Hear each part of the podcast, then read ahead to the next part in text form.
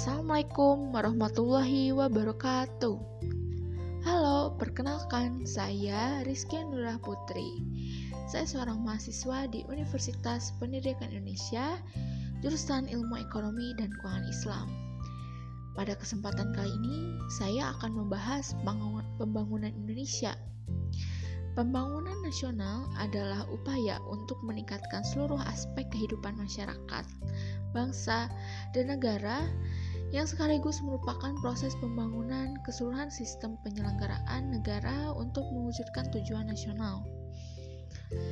Ada beberapa kebijakan untuk membangun Indonesia menjadi lebih baik lagi, seperti kebijakan pada ekonomi, kebijakan infrastruktur, kebijakan lingkungan hidup, pengembangan wilayah, pembangunan kebudayaan, dan juga pengembangan SDM yang berkualitas dan berdaya saing.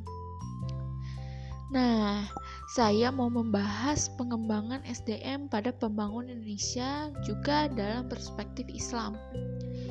Pengembangan SDM dapat diartikan sebagai sebuah aktivitas yang dilakukan untuk meningkatkan keterampilan dan keahlian sumber daya manusia untuk meningkatkan produktivitas secara menyeluruh.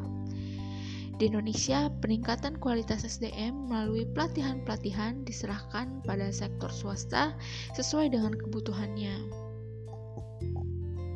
Pada pengembangan SDM syariah, syariah terdapat pengembangan soft skill, hard skill, namun di samping itu terdapat faktor yang penting, yaitu syariah competence. Pelatihan ini merupakan untuk melatih akidah, ibadah, muamalah, dan akhlak sebagai fondasi keimanan umat Islam. Hal ini diperintahkan Allah Subhanahu wa taala sebagaimana firman Allah dalam surat An-Nahl ayat 125. Serulah manusia kepada jalan Tuhanmu dengan hikmah dan pengajaran yang baik, dan berdebatlah dengan mereka dengan cara yang baik. Sesungguhnya Tuhanmu, dialah yang lebih mengetahui siapa yang sesat dari jalannya dan dialah yang lebih mengetahui siapa yang mendapat petunjuk. Maha benar Allah dengan segala firman-Nya. Nah, berarti pengembangan SDM merupakan hal yang penting untuk pembangunan Indonesia.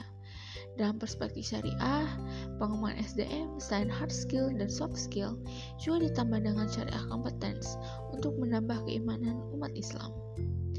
Mungkin cukup sekian dari saya. Mohon maaf bila ada kesalahan. Semoga menambah wawasan para pendengar ya. Wassalamualaikum warahmatullahi wabarakatuh.